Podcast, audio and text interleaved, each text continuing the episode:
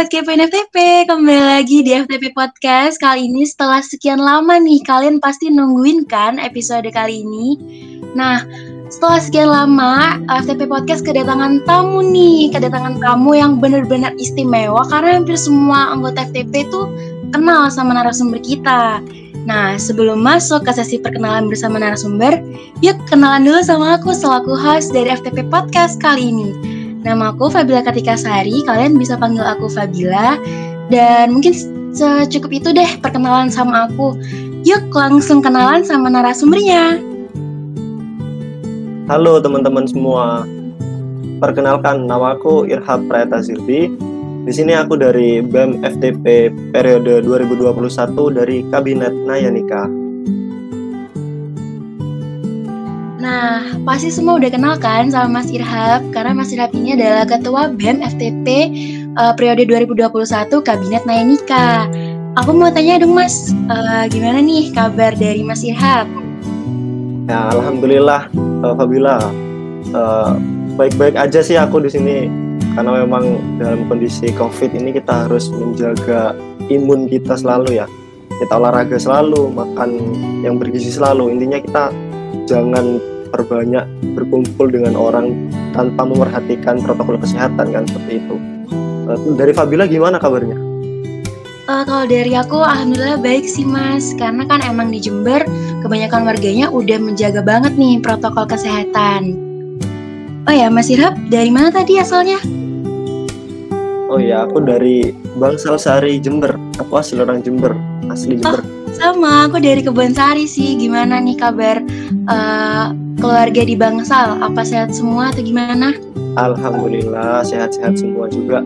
Uh, keluarga juga selalu menjaga kesehatan ya, olahraga selalu. Kita juga main sering sering main bulu tangkis juga kan sama keluarga buat menjaga ini tubuh kita. Seperti itu Fabila. Nah guys, jangan lupa ya tetap jaga kesehatan dan stay safe di mana pun kalian berada. Oke, kalau gitu uh, aku mau masuk ke sesi utama yaitu sesi pertanyaan yang akan ditujukan kepada Mas Irhab. Nah, uh, tadi Mas Irhab kan perkenalan sebagai Ketua BEM FTP periode 2021 Kabinet Nayanika. Nah, aku kepo nih motivasinya dari Mas Irhab maju menjadi seorang Ketua BEM itu apa sih kira-kira? Ya, motivasi aku untuk maju jadi Ketua BEM FTP periode 2021 ini sebenarnya uh, alasan yang cukup klasik ya. Maksudnya klasik di sini uh, mungkin dari teman-teman yang lain juga sering menggunakan alasan ini yaitu alasan ke alasan ke yang pertama itu karena aku ingin uh, membalas budiku di BEM. Karena memang aku sudah ikut di BEM FTP ini pada periode 2020 jadi sebelum ini juga aku sudah masuk di BEM. Jadi karena di BEM uh, dari teman-teman sudah uh, apa ya ini loh BEM memperkenalkan ke aku. Jadi aku harus uh, membawa BEM menjadi lebih baik lagi. Anggapannya balas budiku lebih dari kepengurusan yang kemarin. Mungkin aku selaku anggota BEM juga banyak salahnya ya banyak kurangnya. Jadi aku ingin membawa BEM uh, lebih baik dengan caraku sendiri. Ini loh BEM FTP maksudnya bukan dengan cara aku maksudnya bukan dengan cara otoriter ya. Di sini uh, tetap dengan menjalankan fungsi demokrasi menerima segala macam masukan. Tapi motivasiku kembali lagi tadi aku ingin membawa BEM dengan caraku dan juga perlu pandangan orang banyak. Jadi ya BEM ini harus lebih baik lagi lah karena nggak boleh sama nggak boleh uh, turun kualitasnya karena nanti akan merugi kan seperti uh, kata pepatah seperti itu Pak Nah kalau dari lingkungan Mas Irhab sama keluarga, teman, dan golongan-golongan itu uh, gimana nih motivasinya? Apa memberikan dorongan yang sama besarnya kayak di lingkup keluarga mungkin seperti itu Mas Irhab? Ya kalau pertama memang keluarga, keluarga itu memang suatu hal yang sangat urgent, sangat penting sekali untuk kita melakukan segala sesuatu harus perlu restu dari keluarga. Jadi kalau dari keluargaku itu seperti ini Fabila, keluarga itu selalu mendukung apa yang uh, aku lakukan pokoknya selalu mendukung aja yang penting kita perlu garis bawah. Yang penting kegiatan itu membawa uh, manfaat. Intinya kegiatan itu positif lah untuk kebaikan ya untuk kebaikan aku juga untuk kebaikan uh, orang-orang sekitar aku. Jadi sangat mendukung ketika dulu aku sempat curhat ke keluargaku kalau aku ingin maju jadi ketua BEM ya aku juga curhat ya bagaimana mah gini gini, gini ceritakan segala macam. Tapi itu kalau dari keluarga ya sangat mendukung ya terus kalau dari teman-teman ya banyak juga yang mendukung. Karena memang uh, alasan aku maju untuk di band periode sekarang ini ya salah satu tonggakku itu ya teman-teman semua yang selalu memberi support memberi motivasi kamu bisa irhab kamu orangnya seperti ini seperti ini yang selalu memberi masukan ke aku. Jadi uh, aku maju di BEM ini bukan karena memang ambis ya istilahnya itu bukan karena aku wah kejar jabatan ini segala macam enggak jadi uh, ayo kita bawa uh, BEM FTP di sini menjadi lebih baik dengan cara diskusi bareng, dengan cara uh, memberikan saran yang sangat uh, bagus kalau kita olah seperti apa. Ya di situ kembali lagi ke teman-teman aku karena sangat mendukung, memberikan motivasi segala macam. Ya aku bersyukurlah punya teman-teman yang selalu mendukung aku untuk kebaikan ya. Sangat mendukung sekali, apresiasi itu sangat bagus sekali seperti itu dari teman-teman dan juga keluarga kita. Nah, untuk periode kabinet kali ini kan namanya Nayanika nih Mas. Menurut aku dan Sobat Kepoin FTP, Nayanika ini namanya bagus banget. Nah, kira-kira arti dari Nayanika itu sendiri apa sih? Dan kenapa milih nama uh, kabinet Nayanika itu dari bahasa Sanskerta? Oke, kabinet Nayanika. Ya, Nayanika ini memang dari bahasa Sanskerta ya. Karena kenapa kok aku ngambil dari bahasa Sanskerta? Karena bahasa Sanskerta itu sangat unik dan juga jarang dipakai. Sehingga kita jarang sekali mendengar dari uh, bahasa-bahasa Nayanika apa sih Nayanika di sini? Ya artinya Nayanika di sini itu artinya uh, mata yang indah dan memancarkan daya tarik. Itu Habila. Jadi maksud dari arti uh, Nayanika itu aku ibaratkan Badan Eksekutif Mahasiswa FTP periode 2021 di sini sebagai sebuah mata. Dalam artian mata ini akan selalu mengawasi, akan selalu mendampingi, akan selalu memberikan saran yang terbaik untuk teman-teman FTP dan juga teman-teman organisasi mahasiswa yang ada di FTP. Jadi dari situ kita akan selalu memberikan pandangan ke teman aku representasikan dengan uh, mata yang indah tadi itu dan juga mata yang indah dan memancarkan daya tarik. Maksudnya memancarkan daya tarik. Tadi di sini BEM kan membawa kemaslahatan teman-teman FTP membawa kebaikan untuk teman-teman FTP jadi dengan uh, power dengan uh, apa ya dengan power tadi yang dimiliki yang dimiliki oleh BEM FTP aku harapkan uh, BEM yang selalu mengawasi tadi akan memberikan solusi-solusi terbaik dengan cara yang baik pula dan di sini kita sebagai lembaga eksekutif juga harus memperhatikan segala kebijakan yang ada ya. Dengan tiba-tiba berikan kebijakan ke teman dengan seenak kita karena kita wah BEM ini seenaknya. Enggak. Jadi kita di sini juga harus memperhatikan bagaimana keputusan dari rektorat bagaimana keputusan dari dekanat nantinya akan selalu uh, kita pertimbangkan juga.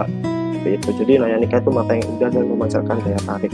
Jadi dengan daya tarik BEM ini ya aku harapkan nanti segala permasalahan tentang perkuliahan dari teman-teman FTP itu bisa teratasi seperti itu kan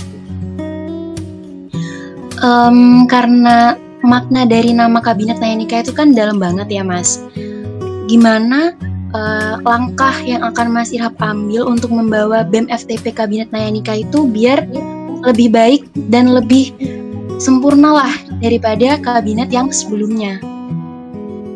Oke, kalau bagaimana cara membawa kabinet ini lebih baik dari sebelumnya yang pertama yang aku bangun di sini harus internal dulu. Maksudnya internal BEM FTP di sini harus terbangun dulu.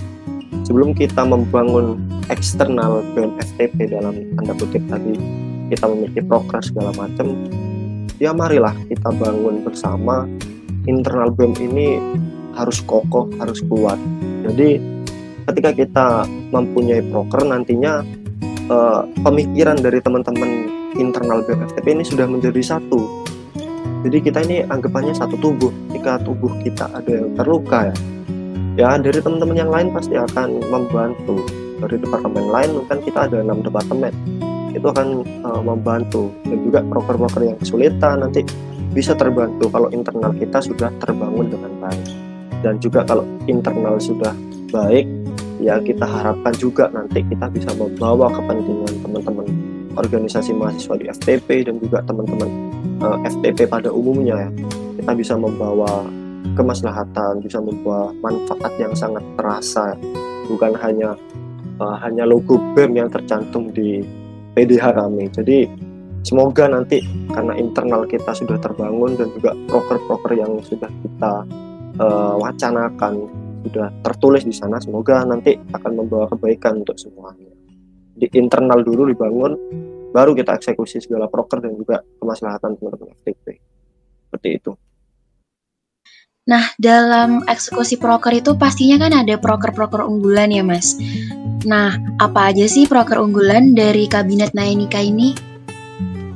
Oke, proker unggulan di sini yang aku bawa dulu waktu pemilihan sama wakilku. Uh, di sini kita hanya memiliki empat proker unggulan, yaitu yang pertama ada FTP Harmoni, yang kedua ada X-Rich, yang ketiga ada tim advokasi dan yang keempat ada Sigama. Jadi aku jelasin pertama dulu dari FTP Harmoni ini ada nanti akan ada serangkaian acara yang dinaungi oleh BEM dan juga kita melibatkan segala uh, elemen yang ada di FTP entah itu dari Civitas Akademika dan juga teman-teman Formawa dan juga teman-teman FTP pada umumnya. Kita mengadakan sebuah uh, kegiatan yang kita di situ akan saling membaur ya akan bentuk kolaborasi kita secara nyata di Ormawa itu seperti ini. Dan juga nanti uh, dari output yang diharapkan dari FTP Harmoni kan juga ada juga. Semoga nanti ya tercapai. Kita lihat bagaimana ke depannya support dari teman-teman di sini akan sangat berarti bagi uh, berlanjutnya FTP Harmoni ke depan. Lalu yang kedua tuh ada X ya dari X ini adalah suatu kegiatan yang nantinya kita harapkan pengalaman dari pihak eksternal masing dari alumni FTP entah itu siapa aja yang menurut kami sangat bagus. Ya sebenarnya semuanya kan bagus cuman di sini yang sangat uh, apa ya sangat masuk untuk teman-teman FTP itu kita perlu untuk pertimbangkan siapa aja semoga nanti kita dapat uh, mengadakan acara dengan pembicara teman-teman alumni itu di acara X-Reach jadi kita bisa melihat dunia pekerjaan itu seperti ini loh. Dan teman-teman FTP bisa uh, mengambil pelajaran di sana. Lalu yang ketiga itu ada tim advokasi. Nah, tim advokasi ini akan selalu membawa segala permasalahan yang muncul di teman-teman mahasiswa FTP dan juga teman, uh, tim advokasi ini akan melakukan advokasi nantinya sebagai penyambung lidah ke pihak-pihak yang terkait yaitu pihak dekanat maupun pihak rektorat sekalipun. Lalu yang keempat itu ada sigama atau diskusi gandeng ormawa. Ya, diskusi gandeng ormawa di sini nanti permasalahan-permasalahan terkait organisasi ya pada umumnya itu nanti dari teman-teman BEM akan menaungi, akan menerima curhatan dan akan menjalankan fungsi BEM untuk menemukan titik terang di sana. Seperti itu. Oke, berarti untuk proker unggulannya tadi ada empat ya Mas ya? Benar. benar. Nah, berhubung sekarang ini kita lagi uh, berada di situasi pandemi COVID-19, uh, menurut keterangan surat SK Rektorat sampai bulan April kita itu kan melaksanakan perkuliahan dan juga kegiatan aktivitas lainnya itu dilakukan secara daring atau online. Nah, dalam kondisi tersebut kita kan pastinya berada di situasi di mana uh, adanya ketidakpastian kita ini bakal lanjut kuliah online atau melanjutkan perkuliahan dengan kegiatan yang dilakukan secara offline. Untuk menghadapi itu, apakah Mas Irhab punya strategi khusus atau mungkin tips dan trik seperti itu, Mas?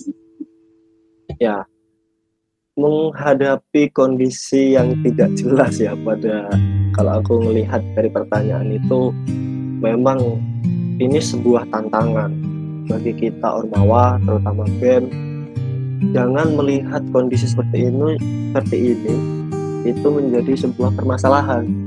Jadikan kondisi seperti ini itu sebagai tantangan kita untuk menempat diri kita sendiri menjadi lebih baik. Itu apabila pada awalnya aku menanamkan prinsip seperti itu ke aku sendiri dan juga yang aku bangun ke BEM FTP periode 2021 ini. Lalu kalau e, dibilang strategi kita untuk menghadapi ketidakjelasan masa pandemi ini yang pertama jelas karena kita sebagai suatu lembaga yang e, menjalankan proker dan juga menjalankan tugas pokok fungsi yang sudah tertera di UUD IKM FTP kita harus memiliki plan. Kalau dari aku ada dua plan. Plan A dan juga plan B.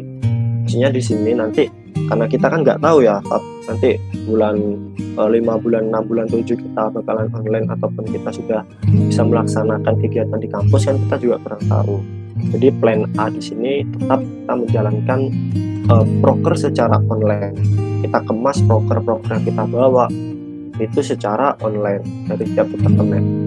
Nah nanti ketika memang kondisi sudah kembali lagi alhamdulillah sudah uh, membaik ya covid sudah hilang atau pemerintah sudah memberikan kebijakan untuk kita bisa kuliah di kampus secara langsung ya plan B yang kita gunakan yaitu plan offline. Nah jadi misal nih nanti ada broker yang berjalan kita bulan 4 nah, bulan 4 kita rancang dulu nih online karena memang kebijakan kan sementara ini online. Tapi di lain sisi kita sudah harus mempersiapkan bagaimana sih kalau kita kondisi sudah offline. Itu karena memang uh, mungkin yang bulan 4 ke bawah yaitu bulan 3 bulan 4 langsung itu masih kita susun secara online ya. Tapi bulan 5 bulan 6 7 sampai bulan 11 12 lah akhir kepengurusan kita ya kita kembali lagi ke plan tadi itu ada plan online dan juga plan offline kita untuk berkegiatan secara langsung di kampus itu Fabila kalau dari Fabila ini suka kegiatan ya. online atau offline ya Fab? Uh, kalau aku sendiri sih kalau milihnya kuliahnya online tapi kegiatannya offline itu boleh nggak mas kira-kira kalau kayak gitu? ya nanti semoga lah kita punya terobosan-terobosan seperti itu ya.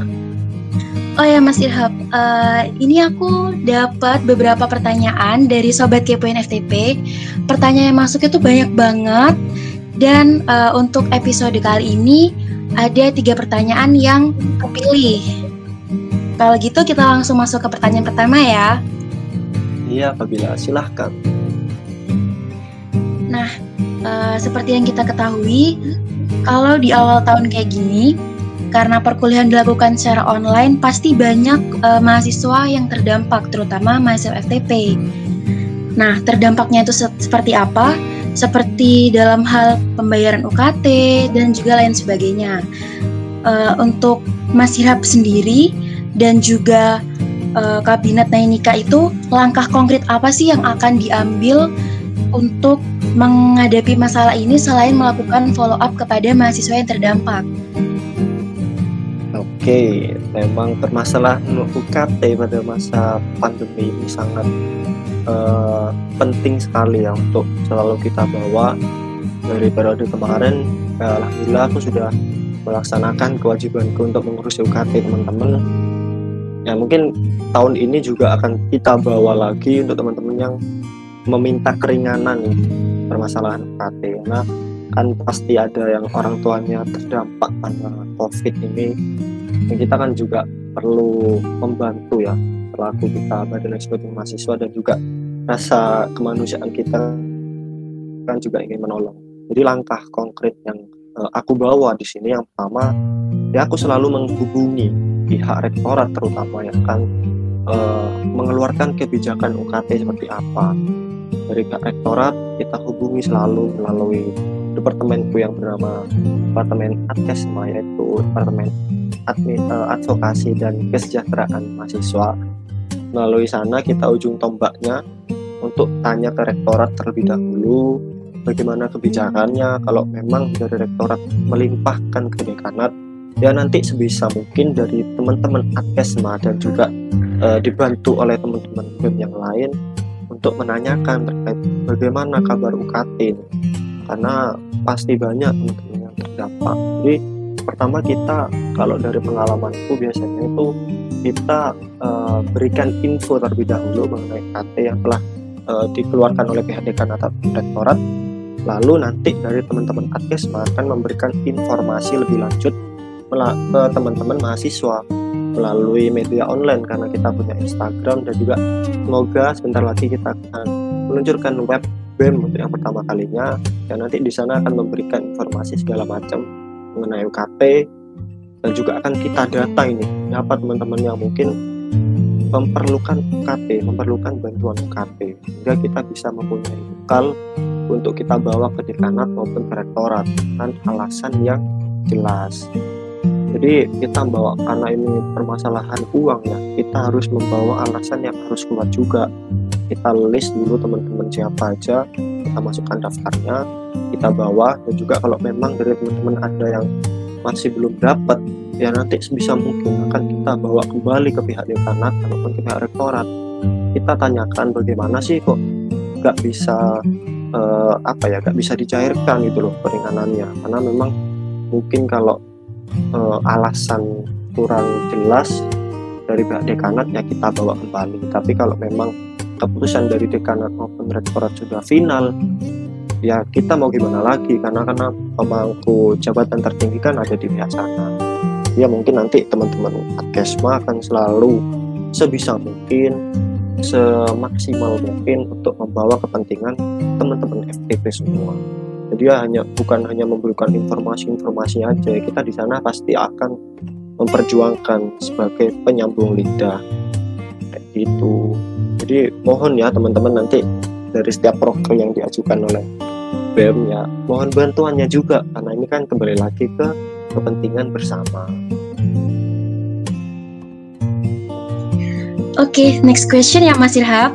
Masih sanggup kan buat jawab pertanyaan dari Sobat Kepen sanggup alhamdulillah sanggup karena memang antusiasnya cukup banyak juga ya sepertinya ya. nah ya. bener banget ini pertanyaan dari sobat Kepoin FTP jadi pertanyaannya itu gimana sih pandangan Mas Irhab selaku ketua BEM FTP tentang praktikum online dan juga bagaimana karakter serta mindset dari maba online ya eh, tadi agak penggelitik itu pertanyaan maba online ya maksudnya mungkin uh, maba yang belum pernah datang FTP seperti itu ya. Jadi karakter ya pertama dulu tadi kan terkait ini praktikum online ya. Ya aku ceritakan mengenai pengalaman pribadi dari aku sendiri ya. Jadi praktikum online itu memang kalau dibilang maksimal ya enggak juga. Karena memang dari teman-teman THP, TIP ataupun TIP kan mungkin banyak berkecimpung di laboratorium kalau kita praktikum. Jadi ya gimana ya? Karena kondisi memang nggak memungkinkan untuk kegiatan offline ya. Kurang greget gitu loh kalau praktikum online. Kurang dapet feelnya. Kan biasanya nih kalau kita praktikum offline biasa kayak dulu sebelum ada pandemi kan kita, kalau kita ada yang kesulitan kan bisa saling membantu. Kita, teman kita ada yang uh, ketiduran mungkin kan biasa terjadi tuh ya karena saking capeknya mungkin. Ya nanti kita jahili, jahili. Ya di sana kan rasa capek kan hilang kalau kita kegiatan offline. Karena memang online ya mau gimana lagi? Ya, seperti inilah kalau online. Mungkin nanti teman-teman yang belum yang akan melaksanakan kegiatan praktikum online ya tanya-tanya aja ke mungkin ke asdosnya atau ke teman-temannya lainnya yang sudah paham ya sehingga kita dapat ilmunya itu juga maksimal. Ya kita nggak boleh nggak boleh mengeluh lah. Ya bagaimana keadaan seperti ini harus kita terima. Ini adalah sebuah tantangan.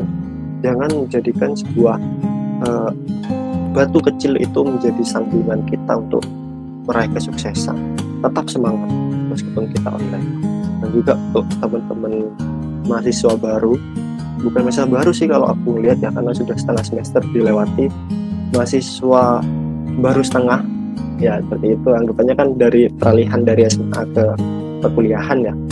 Ya mindset dari dunia perkuliahan mungkin kalau aku melihat sudah mulai terbangun tapi mungkin mungkin belum maksimal.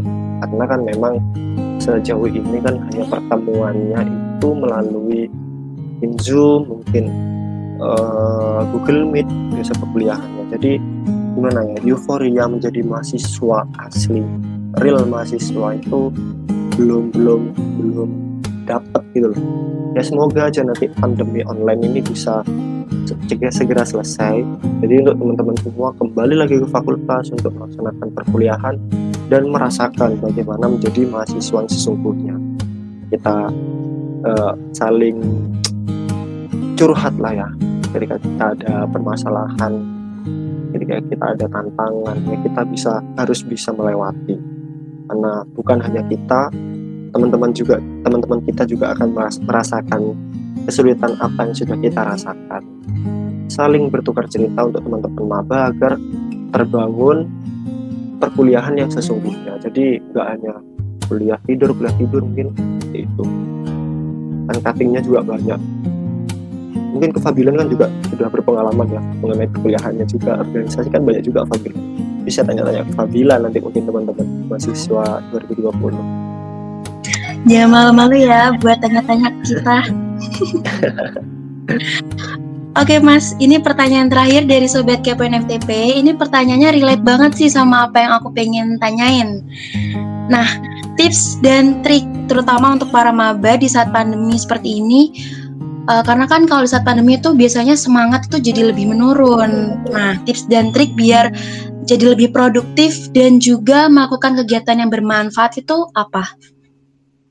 Tips dan trik untuk teman-teman mahasiswa baru kalau dari pengalaman aku karena memang alhamdulillah dulu waktu mahasiswa baru aku disibukkan dengan kegiatan organisasi uh, bukan organisasi maksudnya uh, apa ya kepanitiaan. Karena kita memang dulu belum masuk ke Ormawa ya FTP jadi kita sibukkan aja. Nah habis ini kan dari teman-teman maba kan pasti ada banyak kegiatan ya yang bersangkutan dengan uh, apa ya ormawa. Yaitu nanti monggo dari teman-teman mahasiswa baru diikuti aja itu. Karena nanti akan memberikan manfaat yang lebih. Jadi kan online ini mungkin lontang lantung lontang lantung ya saling sharing aja ke, ke kakak tingkat yang kakak tingkat. Kan banyak juga yang di Jember ya pasti banyak. Itu tanya aja bagaimana uh, kegiatannya. Nanti kalian bisa mungkin bantu ya. Kalau kalian pengen mungkin sambil kerja karena sedang liburan ya kan nanti itu bisa menjadi agenda yang lebih produktif. Kalian nanti ketika kalian perkuliahan kan ya aku rasa kalian sudah merasakan kesibukan untuk dunia perkuliahan. Ya di sana monggo dinikmati tentang perkuliahannya itu. Jangan apa-apa mengeluh jangan apa-apa capek tugas capek gitu kita nikmati aja. Kita ikuti alurnya sehingga apa yang ingin kita dapatkan itu maksimal. Output output kita sebagai mahasiswa ini apa sih? Kita harus bangun dulu. Entah apa itu memang outputnya untuk kuliah aja atau kuliah atau hanya organisasi aja atau dapat dua-duanya kuliah ya organisasi ya jadi bangun aja uh, kuliah prioritas organisasi totalitas. Kalau kalian sudah sibuk dengan perkuliahan dengan sibuk organisasi paling pasti kalian akan produktif meskipun uh, di masa pandemi seperti ini. Sibukkan aja tanya-tanya cutting gimana sih enaknya kalau masa pandemi seperti ini ya? Kalau dari aku karena di sini aku sebagai BEM ya aku menjalankan fungsi BEM itu kan kalau teman-teman mahasiswa 2020 mungkin nanti ya tunggulah. Pasti akan ada ini eh, ada kegiatan yang seru juga. Ya aku jamin kalian nggak akan nganggur istilahnya seperti itu. Oke, okay, um, berhubung itu adalah pertanyaan terakhir dari Sobat Kepoin FTP, kami mohon maaf apabila ada banyak banget pertanyaan yang belum terjawab, mengingat antusias dari warga FTP dan Sobat Kepoin FTP itu tinggi banget. Nah, buat pertanyaan yang belum terjawab itu, kalian bisa langsung pantengin ke episode-episode berikutnya, karena masih banyak episode podcast yang menarik untuk didengarkan. Nah, berhubung kita udah mau ke penghujung acara, aku mau tanya tentang kesan dan pesan dari Mas Irhab. Ya, Bisa ya. dijawab nih, Mas? Oke, okay, siap. Oke. Okay. Kesan aku ya, untuk kesan aku ini apa ya? Kalau kita masa pandemi itu rasanya beda banget loh dengan masa kegiatan kita sebelum pandemi. Jadi apa-apa yang sudah uh, kita lakukan di masa pandemi ini ya kita niatkan untuk kebaikan lah biar nggak ngerasa capek juga jadi kan dari kemarin kan kesan kita wah sibuk banget ini kayak nggak dapet apa-apa tapi dia itu bukan nggak dapet apa-apa pasti segala sesuatu pasti segala sesuatu itu akan ada hikmahnya. Yaitu hikmah yang nggak kita ketahui ataupun yang bisa kita ketahui langsung. Jadi tetap semangat selalu untuk teman-teman dan pesan aku untuk teman-teman FTP semua ya nanti kita lihat bagaimana kelanjutan bukan kelanjutan ya apa ya semoga masa pandemi ini cepat selesai sehingga kita bisa melaksanakan kegiatan dengan seperti biasa sebelum pandemi. Dan juga mohon dari teman-teman semua tetap jaga nama baik FTP dan juga pastikan teman-teman menjaga kesehatan. Dan di sini BEM akan membawa proker yang nantinya akan melibatkan semua teman-teman semua komponen dari teman-teman mahasiswa FTP mohon uh, bantuannya mohon sarannya mohon kritiknya ketika kita melakukan kesalahan karena proker-proker ini akan menyangkut langsung ke pihak-pihak mahasiswa dan juga organisasi mahasiswa tetap semangat jangan luntur semangat kalian di masa pandemi Oke, berhubung kita udah sampai di penghujung acara nih. Oh iya, Fabila. Ya. Ini ada yang lupa ini sedikit untuk Apa tuh? pesan untuk teman-teman semua ya. Mungkin dari teman-teman 2020 mahasiswa FTP di sini bisa pantengin terus Instagram dari Badan Eksekutif Mahasiswa dan juga web nantinya yang akan kita luncurkan dalam waktu dekat ini karena nanti akan ada open recruitment untuk staf magang BEM FTP periode 2021 sehingga nanti mungkin teman-teman bisa mendapatkan bekal di sana untuk membawa BEM lebih baik lagi di periode selanjutnya. Itu Fabila. Terima kasih Fabila. Oke, perlu diingat ya guys, jangan lupa buat pantengin terus Instagram kita dan juga website yang akan diluncurkan. Terus buat maba jangan lupa buat ikutan staff magang ya karena emang benefitnya banyak banget. Oke, kalau gitu karena kita udah sampai di akhir acara, aku selaku host dan Mas Irhab selaku narasumber pada episode kali ini mohon maaf apabila ada kesalahan kata. Oke, kalau gitu stay tune di episode berikutnya. Thank you for listening our podcast. Thank you Fabila. Thank you.